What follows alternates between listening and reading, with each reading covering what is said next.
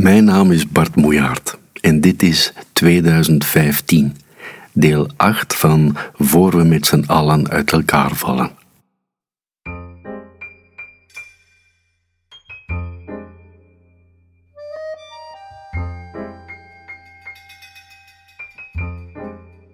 Ik heb het nooit letterlijk genoteerd en ik heb het ook nooit letterlijk kunnen terugvinden, maar al heel lang draag ik een gedachte van Thomas Mann mee. Dat praten voor de politiek is en zwijgen voor de religie. Ik kan de bron niet achterhalen en het doet er ook niet toe om de eenvoudige reden dat ik het vergeten citaat al lang heb toegepast op het gezin waarin ik ben opgegroeid. Bij ons thuis werd niet meteen gevraagd wat je met gekregen informatie aanving. Je gedachten bracht je naar een magazijn het zwijgen dat je ertoe deed, na de vingerknip of de televisieknop, of gewoon omdat er broers in de buurt waren die wel het hoge woord voerden, kregen een haast religieuze betekenis. Spreken en zwijgen, politiek en religie gingen elkaar over.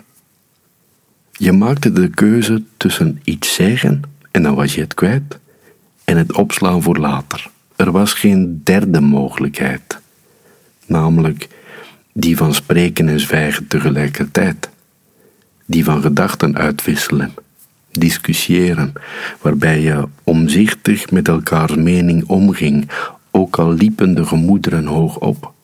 Zo deden wij het niet, zo leerden wij het niet.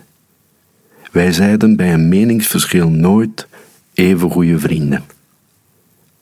In het verleden heb ik af en toe gedacht dat een dagboek orde in mijn hoofd zou scheppen.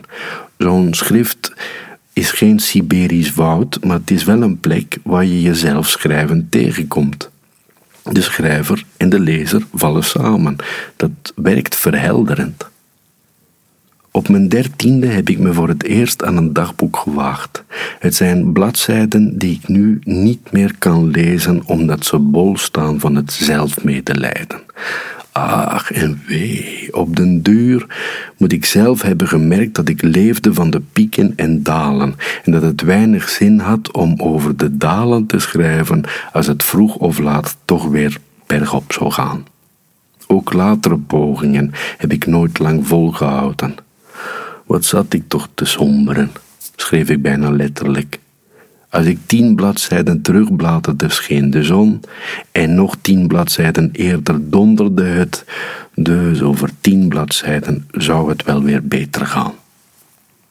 Ik denk dat ik daar de zoektocht ben begonnen naar wat er echt moest staan. Niet te veel woorden, niet te weinig.